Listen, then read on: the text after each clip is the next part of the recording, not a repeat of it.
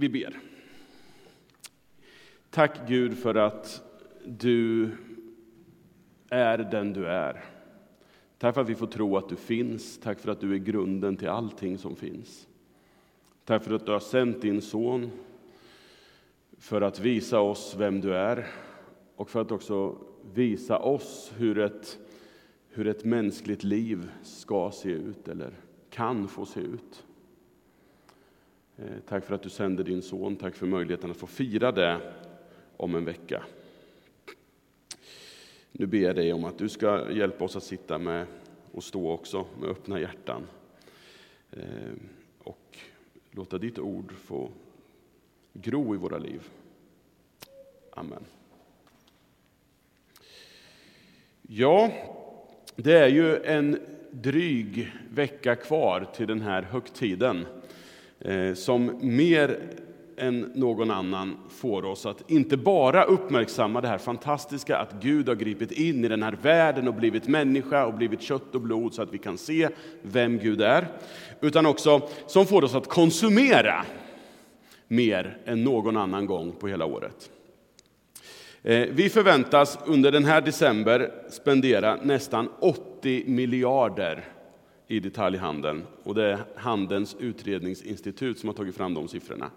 Och det betyder att vi ännu en gång kommer att slå shoppingrekord. Visst är vi duktiga?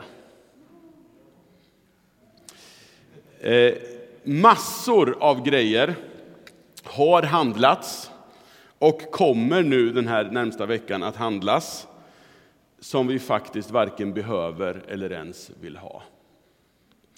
Eh, och I mitt nya jobb på Ge för livet så drunknar vi i kölvattnet av onödig konsumtion.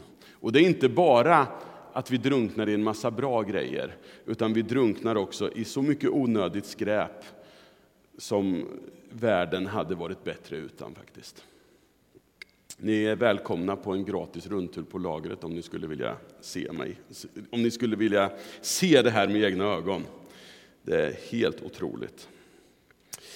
Som kristna i den här världen så har vi ju att förhålla oss till den, till världen i stort och också till det här med den här kommersen och våra materiella begär.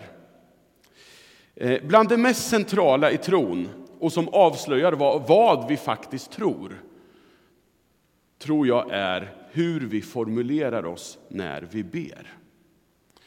Och det var lite intressant den här grejen med bönekursen här. Det här blir en liten, en liten eh, vad ska man säga, försmak på den skulle jag tro.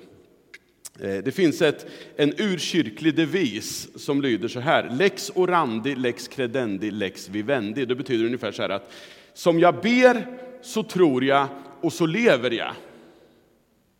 Alltså så ska man titta på vad en människa egentligen tror, då ska man, då ska man skärskåda hur formulerar sig den här människan i sina böner.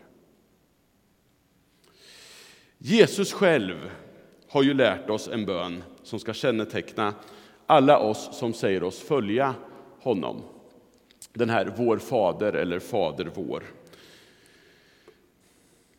Och den här bönen, om vi låter den prägla oss, sätter oss i rörelse. Den sätter oss i rörelse från ett självcentrerat liv till ett liv med Gud i centrum. En sorts revolution av kopernikanska mått, där han som kom på det här att solen kretsar inte kring jorden, utan jorden kretsar kring solen. Gud kretsar inte runt oss, utan det är vi som kallas att kretsa runt Gud. Gud är centrum i vårt universum. I början av den här bönen så adresserar vi vår Fader. Vi ber om att hans namn, inte mitt, ska bli helgat. Hans vilja, inte min, ska ske. Hans rike, inte mitt, ska komma. Guds rike innebär att jag blir ett instrument för att Gud ska bli ärad. Inte tvärtom. Och jag är rädd för att om ni skulle analysera de böner jag ber så skulle ni tro att, Gud, att jag tror att Gud ska vara ett instrument i min hand för att förverkliga min, mina visioner, mitt rike. vi har att lära oss, tror jag, lite till mans av den här bönen. Och idag så tänkte jag då djupdyka i en sats i den här bönen som sätter ljuset på vårt förhållande till det materiella. Och enligt Jesus så ska vi be så här. Först börjar vi med det där. Sen kommer vi till Ge oss idag vårt bröd för dagen som kommer. I Matteus 6. Lukas 11. Ge oss var dag vårt bröd för dagen som kommer.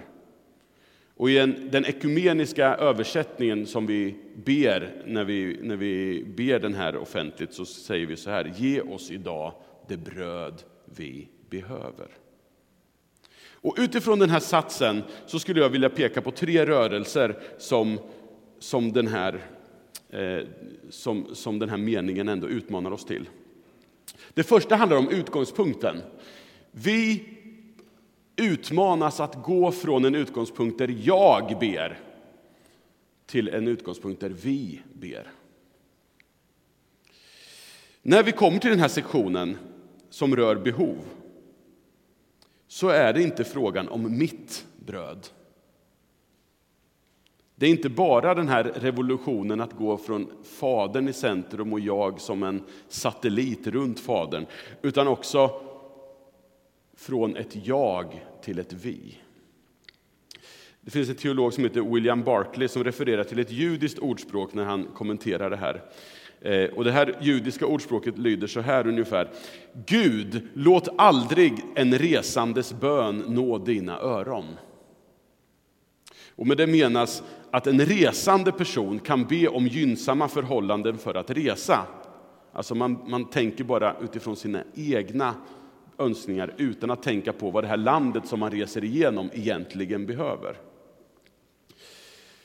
Den självklara utgångspunkten i den här bönen är gemenskap, inte individ. Den här bönen, ge oss idag, ge oss var dag, påminner om att jag är oupplösligt sammanhängande med andra i den här försonade gemenskapen som Gud har format i världen, som kallas för kyrka och församling. Vi döps, i dopet så har vi blivit befriade från landet jag och gått in i landet vi. Israels folk gick från Egypten, vi går från landet jag och själv, själviskhetens slaveri. Min hunger och mättnad hänger ihop. Min brist och tillgång hänger ihop med andras hunger, med andras mättnad och brist. Min tillgång till bröd är din tillgång till bröd. Och det här har ju också bäring på församlingen och kyrkan i en global mening. När vi ber den här, ge oss idag, så gör vi det tillsammans med, med syskon i Tanzania, där Björn befinner sig. Vi, befin, vi, vi ber den tillsammans med människor i Mellanöstern, där flera av er har sitt ursprung. De ber den här bönen tillsammans med oss som kollektiv. Vår tillgång till bröd är också deras tillgång till bröd.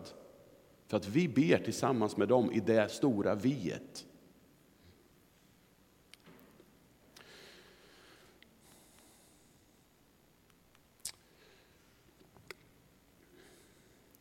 Den andra rörelsen handlar om att gå från begär till behov. En ny ekonomi, en ny utgångspunkt och en ny ekonomi. I den version som jag nämnde tidigare, som vi brukar be, så ber vi just det här. Ge oss idag det bröd vi behöver. Konsekvensen av att låta det här vi-perspektivet prägla mig på djupet blir att bönen går från att tänka på mitt begär till vårt, våra behov. Hemma hos familjen Fagerstedt, där jag brukar äta frukost, så, så består standardfrukosten av filmjölk och flingor. Klassiskt. Varken gott eller äckligt, skulle ni säga kanske? Nej, precis. Det funkar, det är väldigt harmoniskt när vi har fil och flingor. Vi mår bra, vi får det vi behöver, vi äter oss mätta, men inte mer. Så. Ibland så tycker jag att det är lite roligt att göra det lite festligare, så köper jag hem start. Eller kalaspuffar. Och då händer det någonting vid frukostbordet. Det går åt mycket mer. Det finns en tydlig tendens att både fil och mjölk går åt mycket fortare. Och den här starten och kalaspuffarna de försvinner jättefort. Runt bordet har vi ja, sex poliser som bevakar att de andra inte ska ta för mycket. Det händer aldrig när vi har vanlig klassisk cornflakes. Det är Sara som är lite mer står över det här. Min fru. Ja, men då, så då har vi den här ständiga kontrollfrågan hemma. Äter du nu för att du är hungrig eller för att du är sugen?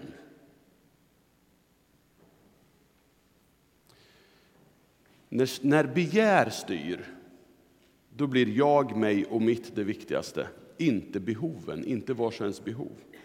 Och det finns en tydlig parallell mellan vårt frukostbord och det samhälle som jag tror att vi lever i och en del av.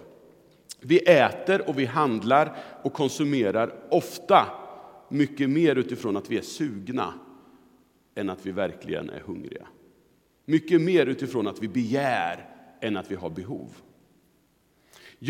Jakob beskriver i sitt brev en situation av troende som helt har kommit att slukas upp av det här sättet att leva och prioritera. Han frågar den här gemenskapen han skriver till, varifrån kommer all kamp och strid ibland er? Är det inte från begären som för krig i era lemmar? Ni vill ha, men får ingenting. Ni dödar av avund men uppnår ingenting. Ni kämpar och strider. Ni har ingenting därför att ni inte ber. Ni ber men får ingenting därför att ni ber illa. Ni vill bara tillfredsställa era egna begär. Man ber inte om att låt oss få det bröd vi behöver, utan man ber om att få sina behov, begär tillfredsställda. Och därför blir det kamp och strid. Den här tendensen att styra våra begär tillskrivs av Jakob som orsaken till kamp, strid och konflikt i den kristna gemenskapen. Gandhi lär ha sagt så här. The world has enough for everyone's need, but not enough for everyone's greed. Världen har nog för var och ens behov, men inte nog för var och ens girighet eller begär. Och trots att det är så, jag tror att det är så, jag tror att det ligger någonting väldigt sant i det, så bygger hela det västerländska ekonomiska systemet på det här ha-begäret och att vi konsumerar. Mer och mer och ännu mer än vad vi behöver. Och på sikt så är ju ett sådant system helt förödande för vår planet. Men våra begär och vår oförmåga att tänka längre än näsan räcker gör att vi inte verkar förmå att förändra det här, utan vi är fast i någon sorts destruktivt mönster. George W. Bush, före detta president i, i USA, han uttryckte sig i enlighet med den här logiken när det var lite sådär svajigt med konjunkturen. I encourage you all to go shopping more. Det var liksom hemligheten för att, för att få vända på trenden. Jag uppmuntrar er, uppmanar er att gå och handla mer. Men om vi istället ber den här bönen som Jesus har lärt oss på rätt sätt, något som jag tror att vi behöver lära oss. Så det är bra att ni har en böneskola på gång här. Jag tänker att hela livet är en sorts böneskola. Så tror jag att vi dras in i en ny sorts ekonomi en ekonomi där behoven, inte begären, styr. I Bibeln så möter vi en Gud som mättar just behov. Och det innebär en helt annan ordning mellan människor och i relation till skapelsen. Det finns några exempel på det här i den bibliska berättelsen. I Gamla testamentet så, så eh, skulle Israels folk gestalta Guds goda tanke med människan och med livet på alla områden i livet. Och på det ekonomiska området så finns en princip föreskriven i tredje Mosebok 25 som man verkade som aldrig praktiserade i, bland det här folket. Eh, vart sjunde år så skulle landet ligga i träda för att precis som människan få sin vila, sin sabbatsvila. Efter sju sådana perioder, 7 gånger 7 är 49, det femtionde året, så inföll friåret. Och det innebar att all egendom gick tillbaka till den ursprungliga ägarfamiljen. På det sättet så fanns det ett inbyggt skydd mot girighet. Det var liksom inte lönsamt. Det skulle inte vara lönsamt att sko sig på andra. Och samtidigt som det fanns utrymme för individuellt handlingsutrymme och var flexibel under de här 50 åren. Och på det här sättet så skulle man också påminnas om att allt ytterst är Guds och till låns.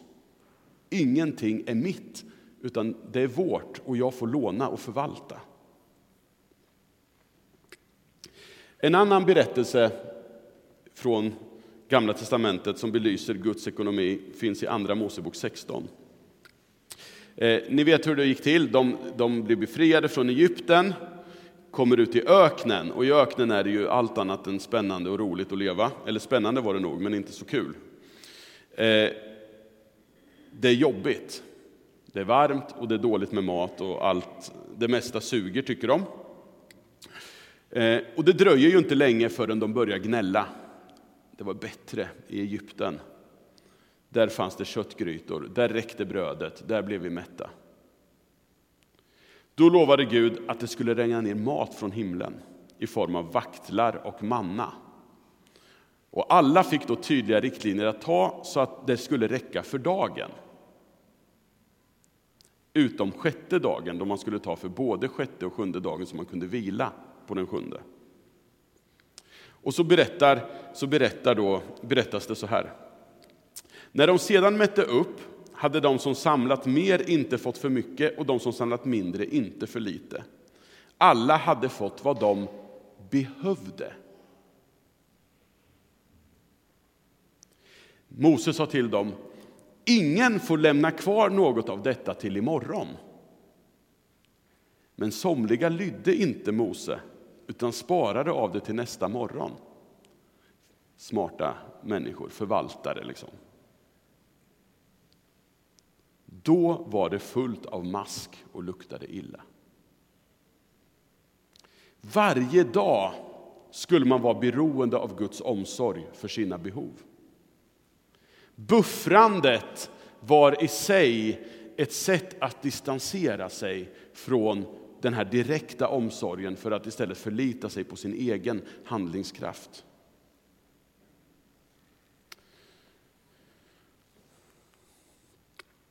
Efter Jesu uppståndelse så utgjuts anden över de troende på pingstdagen och man börjar leva ut en ny sorts gemenskap präglad av samma princip, av behoven i centrum. Alla människor bävade, berättar Lukas i Apostlagärningarna 2.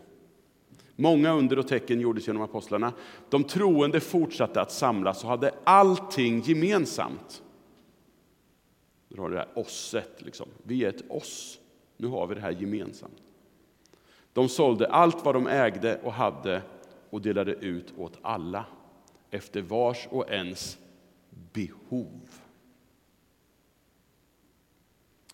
Det verkar som att man i Jesu efterföljd inte längre betraktade tillgångarna som sina egna, utan som gåvor givna av Gud för att jag ska kunna mätta behov hos andra. Och I ljuset av det här så kan man ju undra vad det innebär för oss att be Ge oss idag det bröd vi behöver. Och i vår del av världen så kanske inte det nödvändigtvis handlar om att vi ska få mer än vad vi har. Visste ni till exempel att vi, vi slänger 100 kilo mat per person och år? 100 kilo mat per person och år i Sverige innebär ungefär samma utsläppsvolym, alltså den här matens produktion innebär samma utsläppsvolym som 700 000 bilar. Så mycket mat slänger vi. Så vårt problem är kanske inte att vi behöver mer. I vårt sammanhang så kanske det här snarare är en bön om att lära oss leva på mycket mindre. Att leva på det vi behöver och inte på det vi begär. Kan vi på allvar motivera att vi buffrar månadsvis, årsvis samtidigt som vi vet att det finns människor i detta oss som inte har mat för dagen? Att be, ge oss idag vårt bröd för dagen som kommer sätter oss i rörelse mot att se vårt ansvar, både för varandra lokalt men också globalt. Idag.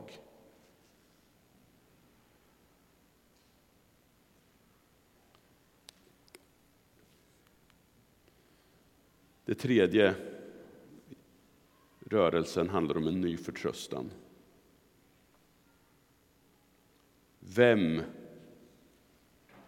är vi ytterst sett beroende av för vår försörjning? När vi börjar mätta andras behov med vårt överflöd så kanske vi kommer lite närmare det här direkta beroendet av Gud. Som de här israeliterna i öknen som varje dag fick det de behövde och inte kunde buffra upp. I bergspredikan som, där, där den här bönen i Matteus, då, Matteus version eh, bakas ju in i bergspredikan. Eh, talar Jesus lite längre fram om de verkliga behoven hos sina lyssnare. Och då ska vi veta att när Jesus säger de här sakerna så är det inte de här åhörarnas problem vilka av alla sju, åtta jeans de ska ta på sig när de, ska, när de går upp på morgonen. Eller vilket av uteställena de ska gå och äta på för att de är så trötta på hamburgarna på Max och rätterna på Spicy Hot. Det är inte det som är deras problem. Utan deras problem det var att det var högst osäkert om de överhuvudtaget skulle ha någonting att äta nästa dag. Eller ha någonting att, att sätta på sina barns kroppar i klädväg. Till dem säger Jesus Bekymra er inte för mat och dryck att leva av eller för kläder att sätta på kroppen. Är inte livet mer än födan och kroppen mer än kläderna? Se på himlens fåglar, de sår inte, skördar inte och samlar inte i lador.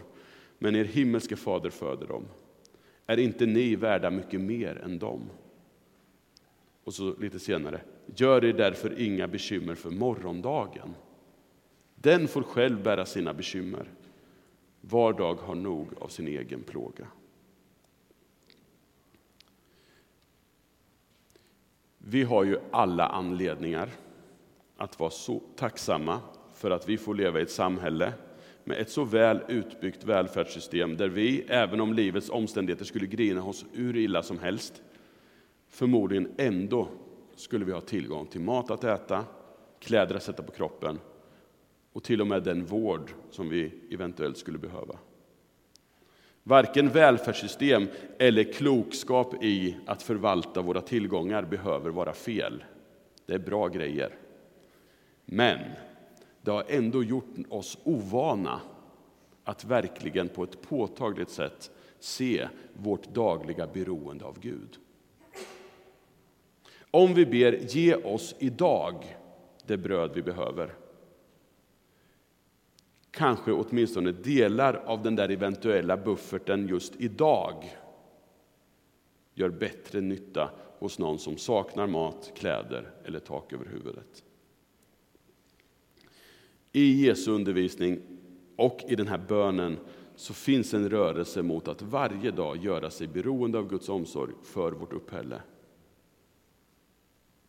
Bekymra er inte för morgondagen. Var dag har nog av sin egen plåga. Vi har en fader i himlen som lovat oss ge, ge oss det vi behöver. Och då är det vår utmaning att våga förtrösta på det. Och att börja bli ett bönesvar på andras behov är ju ett uttryck för den här förtröstan och att vi verkligen låter den här bönen forma oss.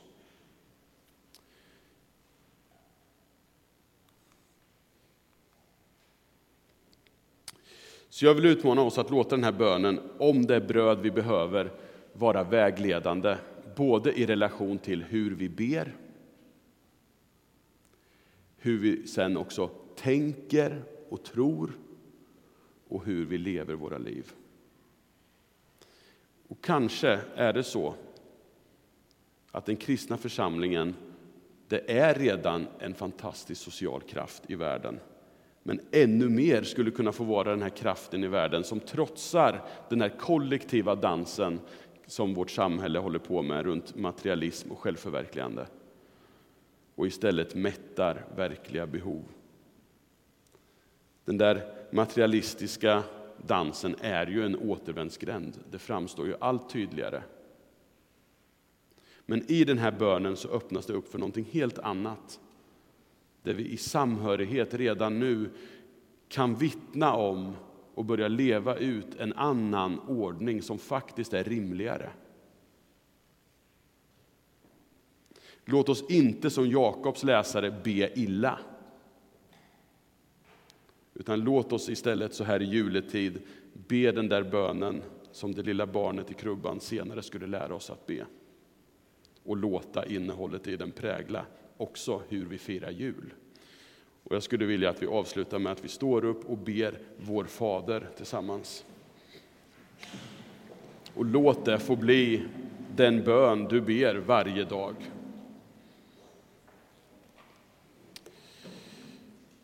Vår Fader, du som är i himlen.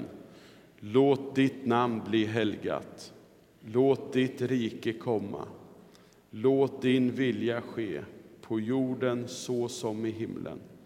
Ge oss idag det bröd vi behöver och förlåt oss våra skulder liksom vi har förlåtit dem som står i skuld till oss. Och utsätt oss inte för prövning utan rädda oss från det onda. Ditt är riket, din är makten och äran i evighet. Amen.